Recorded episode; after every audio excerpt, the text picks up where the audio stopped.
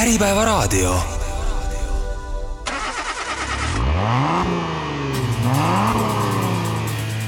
autojutud.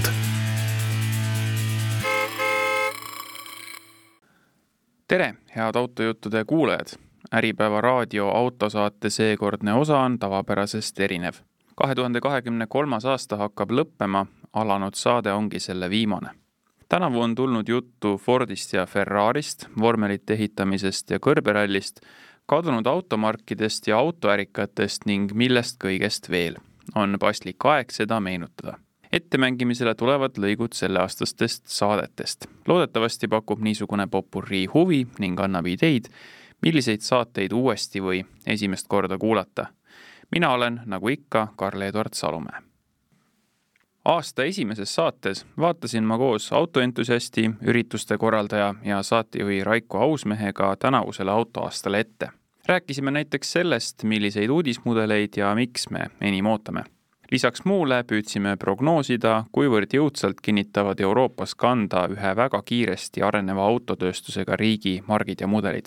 kuulame sellest lõiku ma mõtlesin, et võiks lühidalt arutleda selle üle, et kas aastast kaks tuhat kakskümmend kolm, mitte võib-olla Eestis, aga Euroopas tervikuna võiks kujuneda aasta, mida jääb meenutama see, et Hiina tootjad kuidagi tugevamalt kinnitasid kanda. ma ei pea siinkohal siis silmas näiteks Volvot, mis ka mm, kuulub hiinlastele, vaid veel. ikka nagu Hiina-Hiina autod. Büüd igasugused püüd ja mööd jah ja. ja.. et mis sa arvad, kas hakkab nagu andma tooni see Hiina autode tulek? tead, kui vaadata eelkõige siis Hiina autot, äh, me räägime elektriautodest mm -hmm. kindlasti. Äh, nüüd seesama, et elektriauto on just ka päris autoks, tavapäraseks autoks äh, muutunud, on andnud võimaluse Hiina tootjatel rohkem tulla Euroopasse.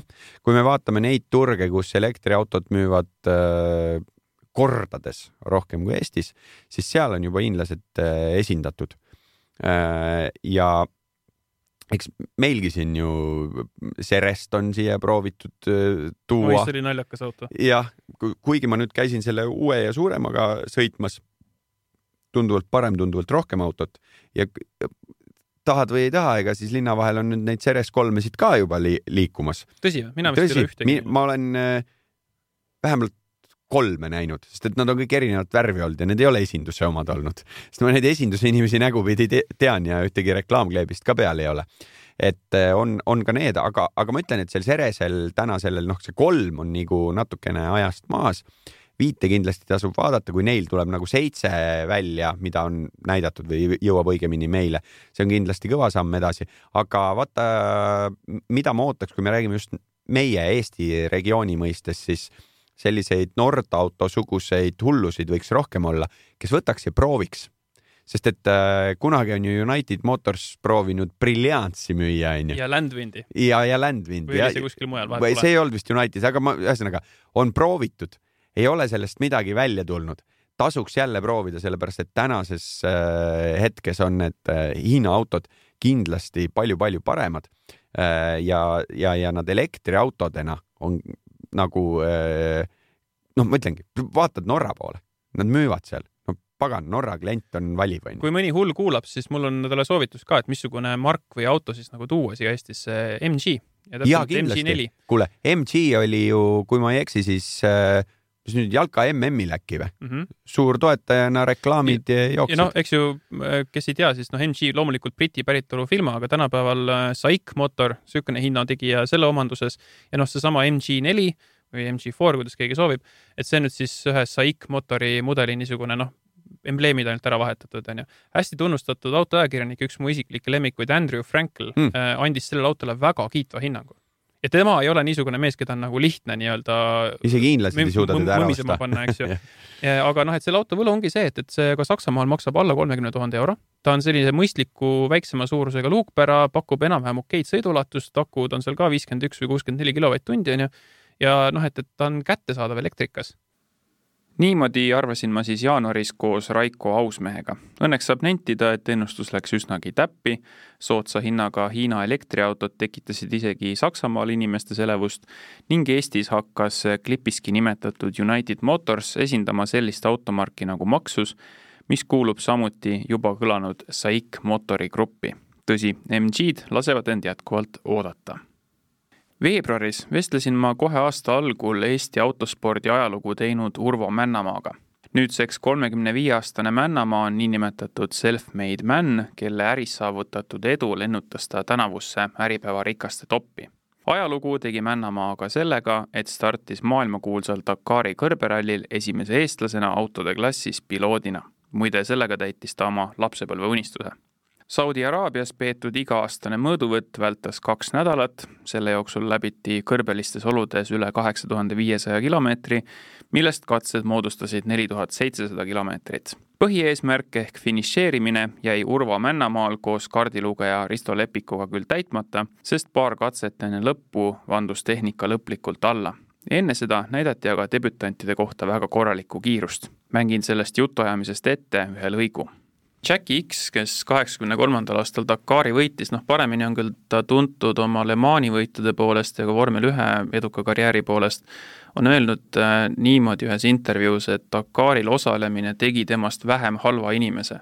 et ta kuidagi nagu viitas sellele, et see on niisugune kogemus, mis tekitab elu ees teatavat aukartust või paneb mõtlema, et mis tegelikult elus tähtis on ja nii edasi. kas sina oma selle kogemuse pealt saad aru, mida ta silmas peab, et on see niisugune kogemus, et sa oled seal selle tohutu suure ja võimsa looduse keskel natukene ikkagi nagu selle niimoodi pillutada ka.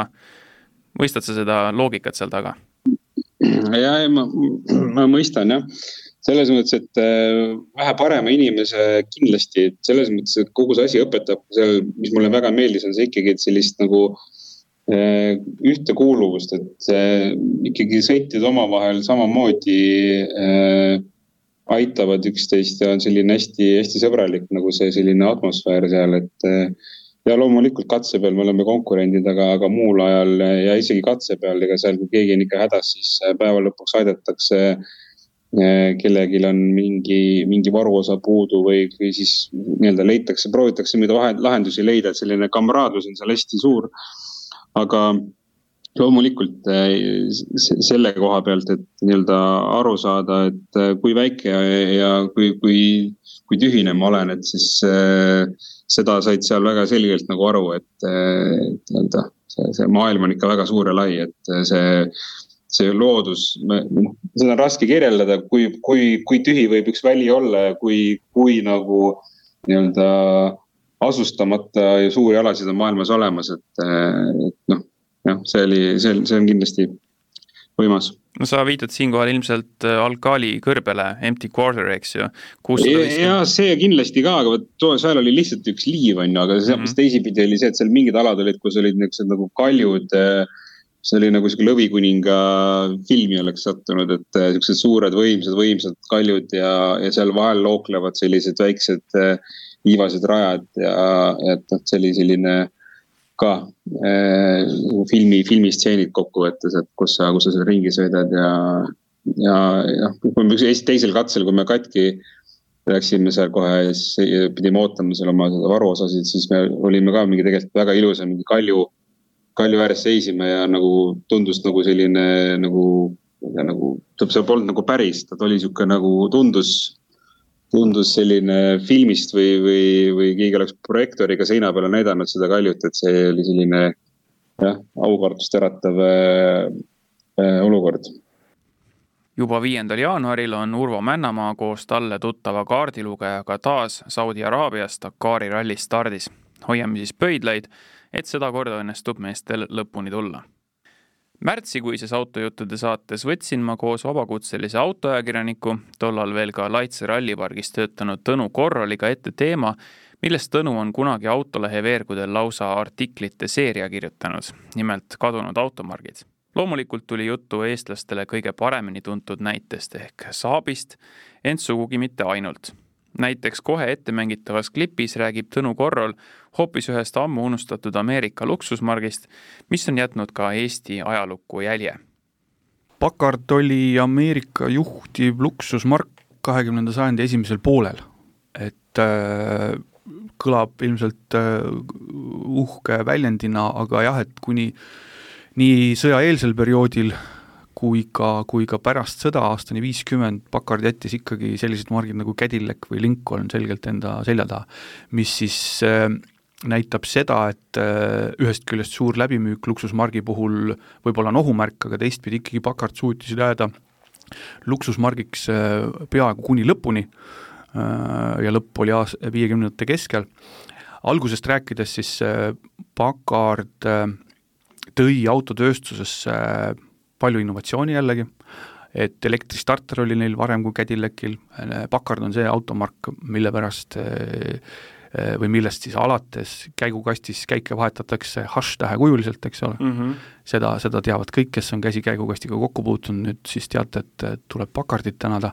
esimene seeria tootmises V12 mootor juba aastal tuhat üheksasada viisteist, väga-väga ammu, ja, ja nii edasi kuni, kuni ütleme kolmekümnendateni, mida võib pidada Packardi kõrgajaks. Ja ja, ja sealt tuleneb see ka Eesti, Eesti seos, et äh, ma julgen väita, et täna on Eestis kümmekond Packardit, ajaloolist Packardit äh, ja meil Laitse rallipargis on ka üks. Ja, ja see põhjus, miks äh, Laitse rallipargi kollektsioonis on Packard, tuleneb just äh, kolmekümnendate lõpust, kui president Päts otsis endale õigemini siis tema kantselei otsis presidendile järgmist esindust, esindusautot. ehk et sellist autot millega Päts siis mitte igapäevaselt, vaid, vaid ikkagi külaliste sõidutamiseks ja nagu vabariigi totaalne kõige uhkem esindusauto. ja selleks valikuks osutus siis kolmekümne kaheksandal aastal äh, Packard Twelve, Twelve siis nagu kaksteist, et ka Packardi toonane tippmudel, jällegi kaheteistsilindriline limusiinkerega ja, ja toonases hinnas siis äh, maksis see auto äh, ligi kakskümmend tuhat krooni, mis ei ütle midagi kuulajatele, aga, aga see auto oli kordades kallim toonastest ülejäänud äh, Eesti teedel vuranud äh, uutest autodest, nii palju kui neid oli, ja, ja mitu korda kallim isegi Pätsile igapäevaseks sõiduks ostetud puikist. Ja, ja see oli siis äh, pika puuga kõige kallim äh, sõiduauto enne sõda, enne teist maailmasõda Eesti Vabariigis milline oli Pätsi auto saatus ning mis viis Pakardi hingusele minekuni, seda saab järelkuulata saatest. tundub, et üks hetk tuleb Tõnuga teha ka kõige kaduva teed läinud automarkidest äh, veel teinegi osa. aasta alguspooles sai autode müügi- ja teenindusettevõtete Eesti Liidu ehk Ampteli tegevjuhiks Meelis Telliskivi. Mais käis ta autojuttude saates seal ei rääkinud ma temaga aga ennekõike mitte Amteli asjadest, vaid äh, tema väga põnevast nii-öelda eelmisest elust. nimelt võeti ta üheksakümnendatel noore mehena tööle legendaarse Estonia vormelivabriku järeltulija Kavori katsesõitjaks ja hakkas varsti täitma selle kõrvalt ka tollesama ettevõtte direktori kohuseid. kuulame, millisena Meelis Telliskivi neid aegu meenutas kui sa nüüd üheksakümne, üheksakümne viienda aasta varakevadel äh, said selleks katsesõitjaks, sa olid vist umbes kakskümmend neli või midagi niisugust. ja ega noh, okei okay,, me ei olnud enam aasta üheksakümmend kaks, mis oli võib-olla veel õnnetum niimoodi majanduslikus mõttes, aga noh, ikkagi suhteliselt niisugune vaene üheksakümnendate värk jätkuvalt veel. kas sa tundsid ka ennast kuidagi nagu, ma ei tea, kuuendas taevas, et, et sa saad niisugust tööd teha ja sulle makstakse selle eest palka või, või oli see tegelikkus võib-olla natukene niisugune lihtsam ja trööstitum, et, et missugune see emotsioon nagu toona oli? Siin tegelikult emotsioonid olid kohati kahesed, et üks emotsioon muidugi see, et mind valiti sellise koha peale, nagu ma ütlesin, et et oli niisuguse lapsepõlve unistuse täitumine aga ega see palk omal ajal ütleme noh, ütleme jah, et, et midagi kassast nii-öelda maksti, aga rahalises mõttes, kui ma vaatasin ümberringi, mida minu head grupivennad nii-öelda tipipäevilt tegid või toimetasid, kes nii-öelda läksid äh, suurtärisse, siis noh, need numbrid olid ikkagi nii-öelda kordades erinevad mm. -hmm. et kohati kindlasti seal Kavoris tuli tegeleda nii-öelda sellise metseenlusega ja, ja tegeleda selle võidusõidu poolega, aga nagu öeldakse, et iga mees peab jääma oma liistude juurde ja tol hetkel noore mehena mul tundus justkui sellise unistuse täitumine ja ma nägin selles väga suurt nagu potentsiaali. Ja mis oli veel positiivne, see, et äh, seal oli ääretult meeldiv töökollektiiv. et need mehed, kes olid alles jäänud, siis veel kord, kes juhtub ka saadet kuulma, siis sügav kummardus selle eest, et et sellise elukooli, mis ma sealt nende meeste käest sain, et see oli seda väärt. seal oli hästi palju pika Estonia staažiga mehi, eks ole, niisuguseid vendi, kes olid ehitanud neid äh, mootorrattamootoriga vormeleid ja nii edasi, et seal oli niisugust väga pikka know-how'd. jaa, seal oli väga pikk ja know-how'ga mehi, seal oli ka üks nimedest veel nimetada, Henri Saar, endine ka vormelisõitja mm -hmm. ise. sõitis vormel üks klassis. just, sõitis lausa vormel üks klassis. Ja, ja vot sama oligi see, et, et, et sellise noore mehega no nendes nii-öelda, nende usalduse võitmine oli omaette nagu niisugune võtmeküsimus aga, aga just jälle see, et eks võib-olla minu enda selline nii-öelda töökuse pealehakkamine ja ausus oligi see, mis, mis selle usalduse nagu võitsin ja siis tegelikult ühel hetkel, kui nad võtsid sind nagu omaks, siis tõesti nendega oli ülim tore koos töötada, et ma ütlen, et siiamaani meenutan neid kõiki ülimalt sooja südame ja hea sõnaga. kas üheksakümne viiendaks aastaks oli see ettevõte juba kolinud sealt Hobujaama tänavalt ära või kus te toimetasite? ei, üheksakümmend viis, kui ma sinna läksin, siis olime veel Hobujaama tänaval, et, et mm -hmm. tõesti, kui praegu raadiokuulajad mõtlevad, et kus kohas omal ajal vormelit toodeti, siis noh, nii-öelda parema kinnisvara peal seda teha ei saagi, eks ju. ja tegelikult tootmis oli, oli päris suur, oli meil mitu tootmishoonet ja seal keskel veel oli neljakordne ilus selline paekiiujoone, kusjuures kõige vahvam oligi see, et kõige kõrgemal korrusel neid vormelid kokku pandigi. ja siis pärast, kui vormel oli kokku pandud, lasti ta nagu telfriga ülevalt alla, et, et see oli jah, päris suur selline tootmisettevõte, kus tehti väga keerulisi erinevaid asju no üheksakümne viiendaks aastaks ja kuuendaks aastaks, kui sinust sai siis äh, esialgu ajutiselt ja siis juba püsivamalt äh, direktor, oli see ettevõte siis oma sellest varjusurmast juba mõni aeg tagasi välja tulnud, seda oli üritatud uuesti käima joosta, aga mis seisus see ettevõte oli, kui sina selle noh, nii-öelda leidsid, et missugune oli see sisseseade, palju seal inimesi töötas, noh maali mingisugust niisugust pilti. Ütleme niimoodi, et äh, see seis ei olnud hea, kui jätta nii-öelda inimfaktor kõrvale et tehas oli iseenesest suur, sisseseadet olid, aga nad kõik olid tegelikult sellised, ütleme ikkagi nõukogudeaegsed pingid ja paljud neist, ütleme tänases mõttes olid kõik ikkagi mehaansed tööpingid. sellist automaat tänasel hetkel CNC juhtimisega pinke ei olnud üldse. Äh, mis siis oli, nagu ma ütlesin, et tegelikult alles jäänud seltskond oli väga hea, äh, kokku oli, kui ma sinna läksin, oli suurusjärk äh, kolmkümmend inimest oli olemas eraldi veel isegi nii-öelda äh, selline büroo, kus toimus nii-öelda joonestamine see pool, aga ka muu tootmise poole peal olid erineva valdkonna inimesi oli päris palju, et, et tegelikult me suutsime seal teha, et elus püsida hästi palju erinevaid metallitöid ja et võib-olla selline üks, ma ei ütleks, et vahva näide, aga ühe, ütleme, kurb näide, mis kunagi juhtus, üks, üks õnnetus, kus päris palju oli, raske avarii oli, siis otsustati teha sellised kiirabiaagised ja kiirabiaagised veel sellised, et mida tuli ka helikopteriga nii-öelda kohale vedada ja tassida ja see oli niisugune vahva meenutus, et äh, siis Tallinna lennujaamas siis äh, katsetati, et et meie poolt valmistatud Aagis, et helikopter oli, kui ma õigesti mäletan, see mudel oli Mi kaheksa, et kui kiiresti saab sellega lennata ja, ja niisuguseid asju, aga veel kord, ega olukord oli trööstitu seal tehases kohati, kuna hoone oli suur, siis ka talve küttearved olid sellised, et pidi nagu kõvasti vaeva nägema, et üldse nii-öelda nina vee peal hoida. nii rääkis Meelis Telliskivi Estonia vormeleid pole nüüdseks toodetud juba üle kahekümne aasta, selle tegevuse otsasaamise põhjuseid avas Telliskivi saates samuti. juunis tähistas oma saja kahekümnendat sünnipäeva Ford Motor Company, mille kohta ei ole palju öelda, et see muutis kahekümnenda sajandi kurssi. sel puhul kutsusin ma külla pikaaegse autoajakirjaniku Kristjan Sooperi, et Fordi saavutuste ja ajaloo üle koos arutada kuna Kristjan on Ford Sierra omanik, siis rääkisime sellestki üheksakümnendate Eestis kultusauto staatust nautinud mudelist. nagu kohe kuulete, siis uurisin ka tema enda Sierra kohta lähemalt. Äh, ma küsin kõigepealt üle, et kui sa selle ostsid, vist umbes kümmekond aastat tagasi, jah? Äh, siis kui palju oligi siis sinu ajend või mõte see, et sa tahad äh, osta ja ilusti käituda ühe Eesti autonduse ajaloos tugeva jalajälje jätnud mudeliga ja kui palju olid seal mingisugused muud ajendid taga, et kas sa tahtsid just nimelt Sierrat sellepärast, et see oli üheksakümnendatel äh, nii legendaarne auto? jah, ta tegelikult isegi ma ostsin ta, mäletaks kaks tuhat üheksa või midagi niimoodi, et, et juba päris ammu. et eks neid ajendeid oli, oli nagu mitu, noh mul, noh ma mõtlesin sellele Sierrale, et, et noh, võiks, noh nad olid juba tol ajal juba liikluspildist ikkagi üsna kadunud, et, et noh, võiks ju selline olla, aga noh, ütleme, et käivitas ikkagi see, et, et, et müüki tuli selline noh, päris tootmise alguse aja, V6 mootor ja Kiia.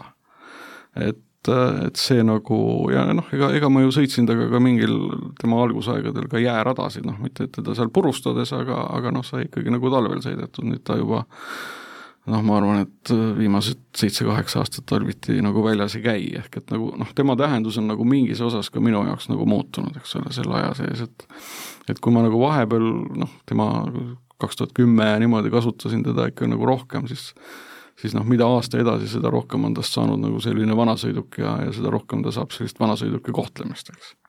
aga noh, kui ma võtan nagu praeguse mõtte, siis, siis nagu see, see, see peamine mõte ongi selle nii-öelda selle noh, tüki Eesti, Eesti autoajaloo säilitamine ja, ja noh, ega mis, mis seal salata, mulle meeldib temaga sõita ka mis, kui see saladus pole, mis hinnaga sa selle ostsid aastal kaks tuhat üheksa, see oli veel krooni aeg, eks ole? Ega, ega ma täpselt ei mäleta, aga mingi, ma arvan, et kui ma nüüd eurodesse panen, äkki ma ostsin ta kolmesaja euroga või midagi sellist. no tootluse mõttes päris no, hea investeering. eelmine aasta tehinguks ei läinud, aga, aga pakkumine oli kaheksa tuhat. Vau. aga no ma ei tea, võib-olla kui oleks, võib-olla kui oleks seda juttu nagu edasi veeretanud sinnamaani, et minult auto ja, ja sinult raha, et võib-olla see kaheksa tuhat ei oleks enam kehtinud, aga mm, -hmm. aga noh, niisugune jutt oli nõnda muljetas Kristjan Sooper, üks teine kuulus Fordi mudel, millest me samuti rääkisime, oli F sada viiskümmend.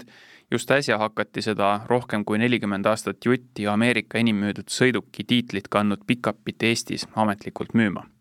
juulis kiskus jutt jälle Estonia vormelite lainele, sest ma tegin raadioreportaaži Saue vallas Turba alevikus asuvas Eesti Mootorispordimuuseumis Momus minu teejuhiks oli loomulikult selle muuseumi looja Arno Sillat võib öelda, et enne Meelis Telliskivi pikalt Amtelit juhtinud Sillat puutus Estonia vormelitega kokku juba enne oma sündi. kuidas, seda seletab järgmine klipp. Neid Estonia kahtekümmend ühtesid ja kakskümmend üks kümneid ennekõike on siin päris mitmeid. tunneb selle auto üpris lihtsasti ära tegelikult, sest temal ei ole esitiival või esimikul ei ole siis tiivakesi. no siin on Raul Sarapi autosid isegi mitu, ma näen, siin on Toivo Asmeri auto, nagu sa mainisid, siis Asmeri mootor Toomas Napa auto on veel üleval, aga ma tahtsin hetkeks peatuda ka ühel hoopis vanemal Estonia vormelil, see kannab mudeli nime üheksa, see on siin esindatud eh, ühe rohelise autoga, kannab see võistlusnumbrit üheksakümmend üheksa. ja miks ma sellel peatuda tahan, on see asjaolu, et selles autos jooksevad läbi sinu perekonna või suguvõsa siis niisugused tugevad eh, seosed kogu selle Estonia vormelite ehitamise looga, et, et räägi lahti, et missugused sinu sugulased on selle auto kallal töötanud ja missuguses rollis? no vanuse järgi minnes kõige esimene oli vanaisa, kes oli tollel ajal autoremonditehases, oli termistide brigaadi brigaadir. noh, termist on siis termilise töötlemise ekspert. tema alustas tehase eelkäija Hans Weierbachi vedurite mehaanikatööstuses üheksateistkümnendal aastal läinud sajandil sepaõpilasena. ta oli selleks ka vastava kujuga, ühesõnaga noh, pikk ja lai ja suurte kätega ja noh, nii et sepatöö talle väga hästi istus ja noh, hiljem siis nii-öelda liikus, liikus juba tehnoloogia poole, nii et, et tema oli see mees, kes värvi järgi ühesõnaga ütles temperatuuri metallile ära, et tema ei pidanud kraadi vaatama. et äh, teatud kindla värviga, siis, siis on teatud temperatuur saavutatud ja metalli saab hakata töötlema siis hiljem tema tütar tuli sinna, ehk siis minu ema, isa peale tipi lõpetamist tuli konstruktoriks, abiellusid, mina sündisin.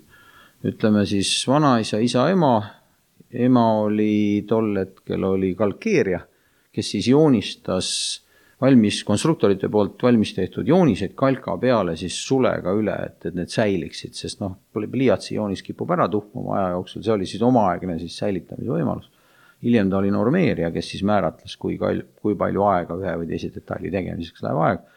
või tähendab, kui palju võib aega kuluda ja siis mitmenda kategooria töö ja vastavalt sellele siis töömees sai tükitasu.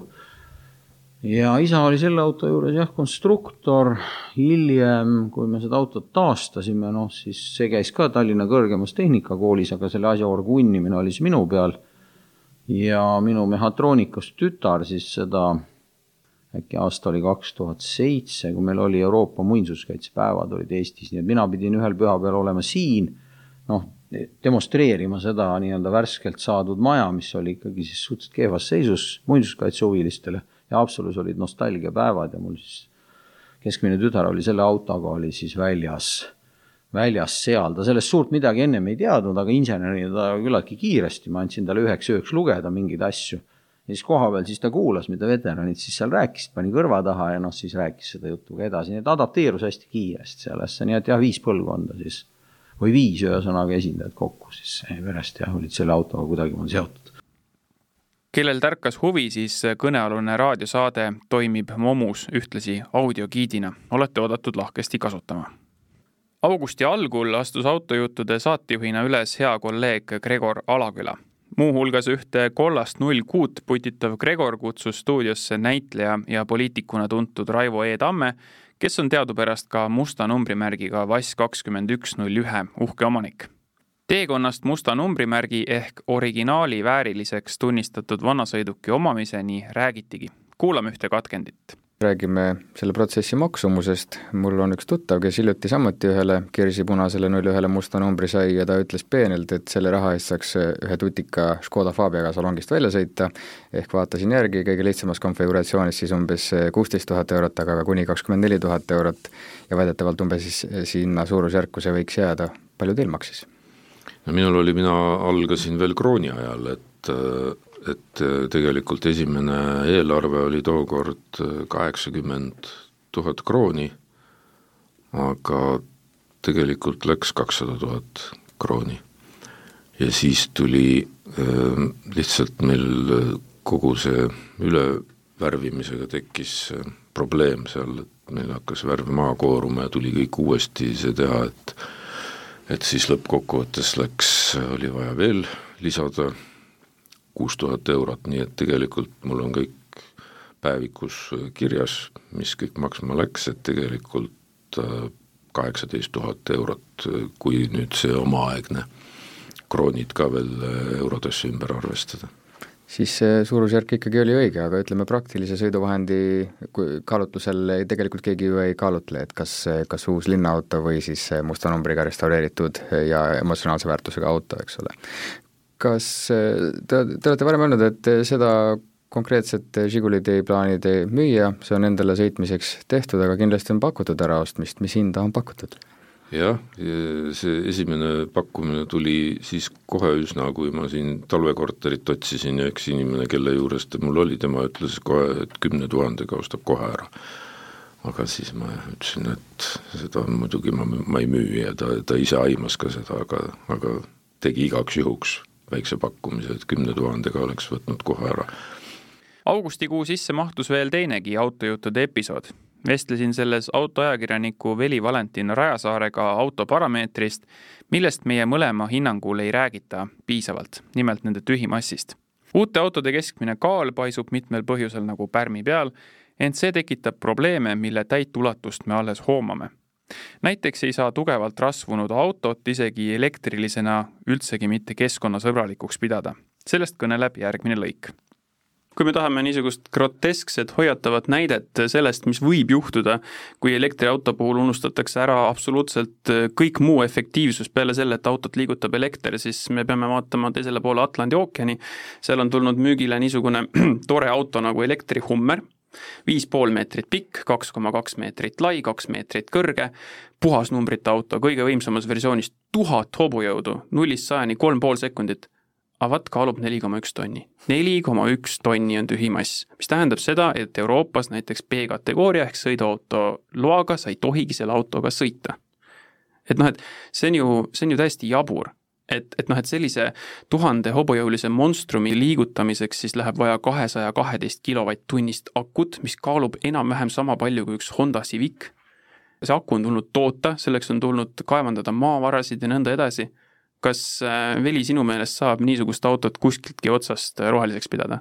ei, muidugi mitte, täiesti, täiesti ähm, selge vastus sellele, sest et ähm, see on, see on täpselt see, et et äh, väga paljud kliendid ostavadki autot numbrite pärast. Ja noh, see on näiteks, kunagi ma kirjutasin pika artikli teemal, äh, et milliseid autosid näiteks on, noh, miks osa, miks autode kallal on üha raskem ise tööd teha. Ja selle käigus ma rääkisin ka autoinseneriga, ma rääkisin äh, margiesinduse hoolduse poolega ja ma rääkisin ühe täiesti nagu siis iseseisva töökoja mehaanikuga, kõikidel eri kogemused, eri põhjused, et miks see nii on kujunenud.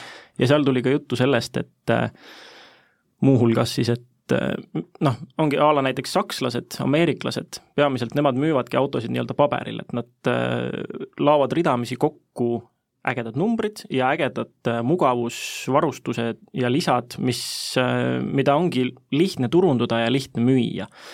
ja selle koha peal seal noh, ma, ma ei ole Hummeri, ma olen selle autoga kursis, ma ei ole kursis nende nagu turundusstrateegiaga, aga noh, ma, ma tegelikult üllatuksin, kui selle absurdi sees, sees kusagil üritatakse väita, et see on ikkagi keskkonnasõbralik auto, et pigem see on ikkagi viis jätkata sellist äh, senist tarbimisühiskonda ja, ja sellist kõvatamist, et mul on ikkagi kõige suurem milliseid muresid autode liigsuur mass veel tekitab, mis on niisuguse trendi tagamaad ning kuidas saaks paremini, selle kõige üle ma Veliga arutlesingi. Soovitan kuulata kas või seepärast, et teatavasti sisaldab ka Eestis kavandatav automaks nõndanimetatud massikomponenti septembris toimus Eesti autogala raames välja selgitatud aasta sportauto finalistide sõidupäev. kuulusin samuti žüriisse ja tegin koha pealt reportaaži parimaks sportautoks tunnistati Ferrari kaks üheksa kuus GTB, kuid uskuge mind, sugugi mitte ainult sellepärast, et tegu oli rivi kõige kallima ja kõlavama nimega masinaga. Kaks üheksa kuus on vaevuusutavalt laia võimete spektriga auto, mis toimib oivaliselt mis tahes kiiruse ja intensiivsusega sõites. kui enne sõidupäeva juurdlesin omaette, et äkki pakub BMW M2 teedel sõites isegi nauditavama elamuse, siis takkajärgi tundub niisugune mõte lausa naiivne kui absurdselt kiired autod on sellised nagu kaks üheksa kuus GTB, siis olgu pealegi. aga enne veel, kui ma ise Ferrari rooli istusin, sõitis sellega ametivend Margus Pipar, kelle esimesi muljeid nüüd kuuletegi. Nüüd on üks äh, väga eriline moment. Margus äh, on töötanud autoajakirjanduses minu teada noh, niisugune kakskümmend aastat tuleb vist ikka ära, eks ju. tunnen teda ise ka juba päris ammusest ajast, aga ta ei ole elus Ferrari'ga mitte kordagi sõitnud ainult et nüüd on, nüüd ta on sõitnud esimesed äh, meetrid Ferrari kaks üheksa kuus GTB-ga ja loomulikult sul ei ole mingisugust nii-öelda intelligentset muljet ja arvamust sellest autost jõudnud veel kujuneda, aga sageli äh, autoajakirjanikud räägivad sellest, et äh, auto kohta on teatud puhkudel võimalik päris palju ära öelda juba parklast välja sõites ja me siin natukene põgusalt muljetasime ka, me mõlemad ise jagame seda seisukohta. mis sinu esimesed tähelepanekud siis sellest Ferrarist praegu on? Äh, esimene tähelepanek on see, et sellega on üllatavalt äh, lihtne hakkama saada. et äh, sa istud muidugi teistmoodi, sa istud hästi madalal vastu maad ja nähtavus on niisugune suhteliselt kehvakene, aga roolpedaalid äh, ja üleüldse see esimene aeglasel kiirusel sõitmine on nagu täiesti, ma ei ütle, et ta tavalise auto moodi on, aga ta on täiesti lihtne. et äh, ma natuke pelgasin võib-olla, et, äh, et tuleb natukene rohke, rohkem siin asju tähele panna ja, ja ise midagi teha, aga, aga auto teeb väga lihtsalt, väga, väga sujuvalt sinu eest kõik ära kui oluline see Ferrari'ga sõitmise moment sinu jaoks on, et noh, et ilmselt äh, need niisugused lapselikud emotsioonid on ajakirjaniku tööga nii ehk naa niimoodi ammu juba ära kadunud. aga on see sinu enda jaoks mingisugune maamärk, et nüüd sul on äh, esimene kogemus sellise autoga jaa, absoluutselt. tänase päeva üks äh, põhi, põhi nagu elevust tekitav koht mul oligi see, miks ma siia väga tulla tahtsin, oligi see, et, et ma saan lõpuks Ferrari'ga sõita et Porschesid ja Lamborghinisid ja Bentley'd ja Rolls-Royce ja igasugu autosid on proovitud, aga, aga tõesti, täna on siis esimene Ferrari ja noh, kohe läheb lõbusamaks, praegu me sõitsime parklast välja, eks ole, et kohe hakkab, kohe läheb päriselt lõbusaks. ma loodan jah, et, et ka see müdin tuleb siit nüüd läbi natukene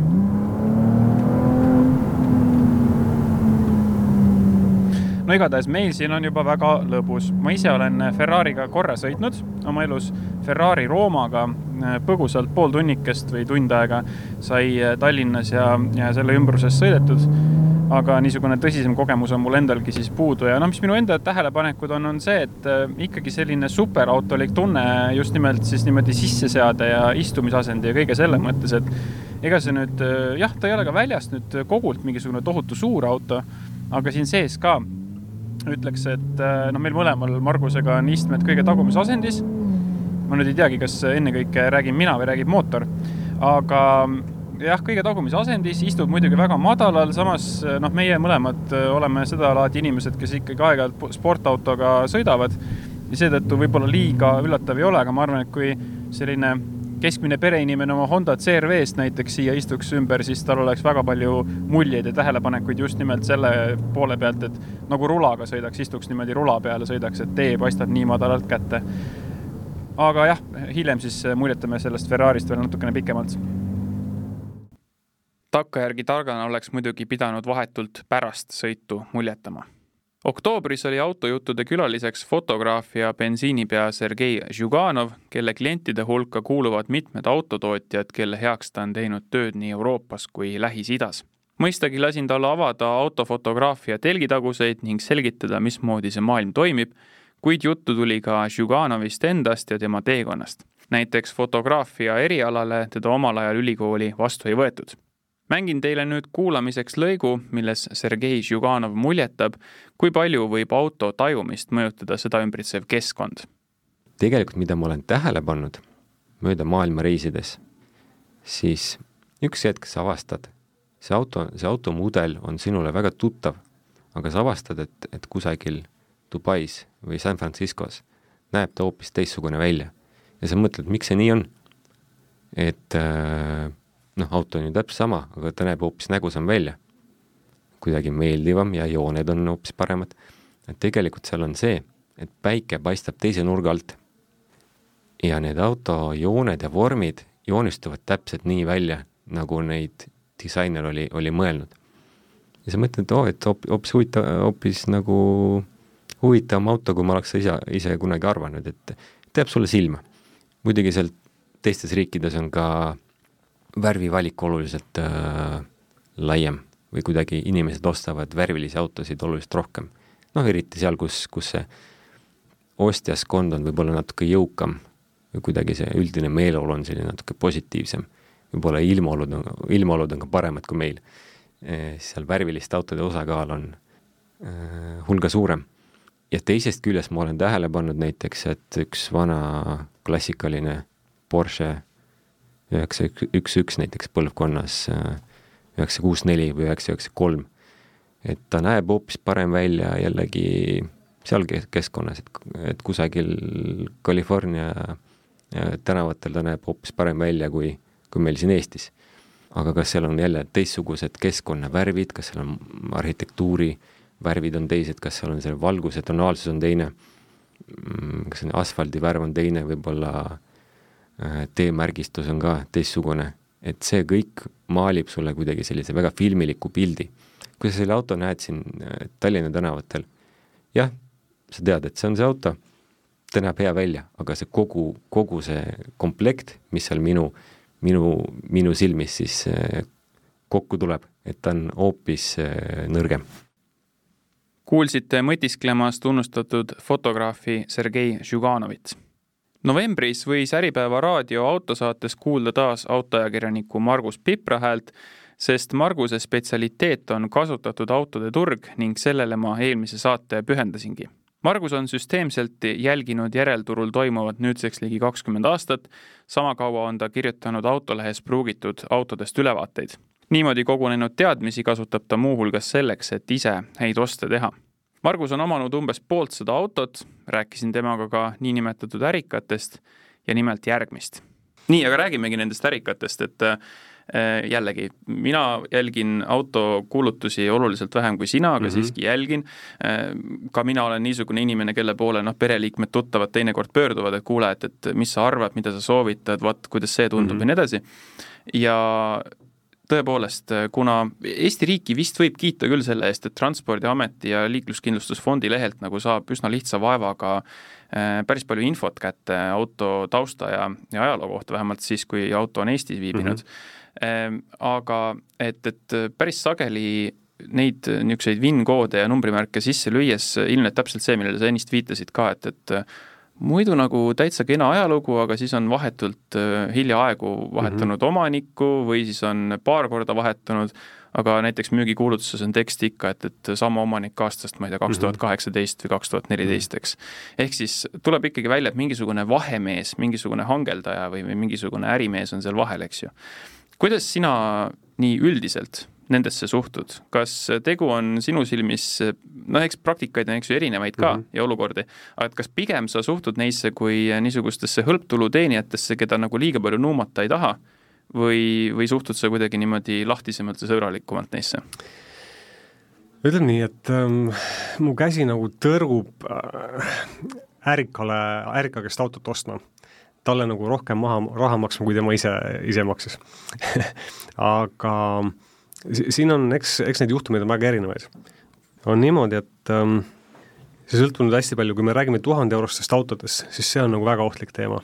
et äh, seal head autot saada on nii ehk naa väga keeruline, seal pigem leitakse ikkagi vi-, vi-, vigadega autosid ja, ja, ja siis müüakse neid viga, vigasid salates müüa, müüakse maha. Kui me räägime kallimatest autodest, siis on nii ja naa, naasuguseid juhtumeid taaskord, aga ärikate üks põhitaktika on see, et nad ikkagi samamoodi jälgivad turgu ja reageerivad väga kiiresti hea hinnaga müüki tulnud autodele. ja see auto noh, kas ta on lihtsalt valesti hinnastatud, ärikas läheb kohale, tingib veel natukene alla ja tal ongi oma põhimõtteliselt kasumi koht on olemas, eks ole. Ta võib saada täi-, väga, väga hea auto ja ta müüb ka edasi ju tegelikult väga hea auto. et selle koha pealt ärika käest võib saada, ühesõnaga seal ei ole nagu pettuse kohta tegelikult. aga on ka muidugi sellised, kes ostavad äh, need autod, mis on põhjusega odavad äh, seal ongi mingid äh, konkreetsed vead küljes ja, ja noh, turgu pidevalt jälgides ma näen seda küll, et tuleb auto müüki millel loetletakse, loetletaksegi üles nagu ports vigu, miks see auto nii odav on. ärikas ostab selle ära, kolme päeva pärast on see auto uuesti müügil. ilma selle infota, eks ju? ilma selle infota, võib-olla on isegi tehnoülevaatus on peale tehtud, mida varem ei olnud, eks ole. Äh, ma väga sügavalt kahtlen, et tegelikult on see tehnoülevaatus ausalt saadud äh, ja et need vead on likvideeritud. ja siis tuleb juba selline tüüpiline jutt, et kõik on väga hea ja, ja võib-olla noh, üritatakse teinekord ka varjata seda, et on, et ühesõnaga äri selle autoga tehakse, enamasti tegelikult üritataksegi. Mõeldakse mingi muinasjutt sinna juurde, et, et miks, miks, miks see auto müügis on ja, ja eakalt sugulaselt saadud või midagi no, niisugust, eks ju. täpselt, või aitan sõbral müüa, eks ole, või üldiselt ärika käest sa võid saada hea auto, aga noh, ma, ma ise pigem ei, ei osta nende käest. nii leidis Margus Pipar ja sellega ongi tänavustele autojuttude saadetele tiir peale tehtud. loodetavasti teile selleaastane saak meeldis ning kohtun teiega uuel aastal eetri vahendusel taas. soovin teile ilusaid jõulupühi, sõitke siis ikka mõistlikult, sest igaüht ootab kuskil keegi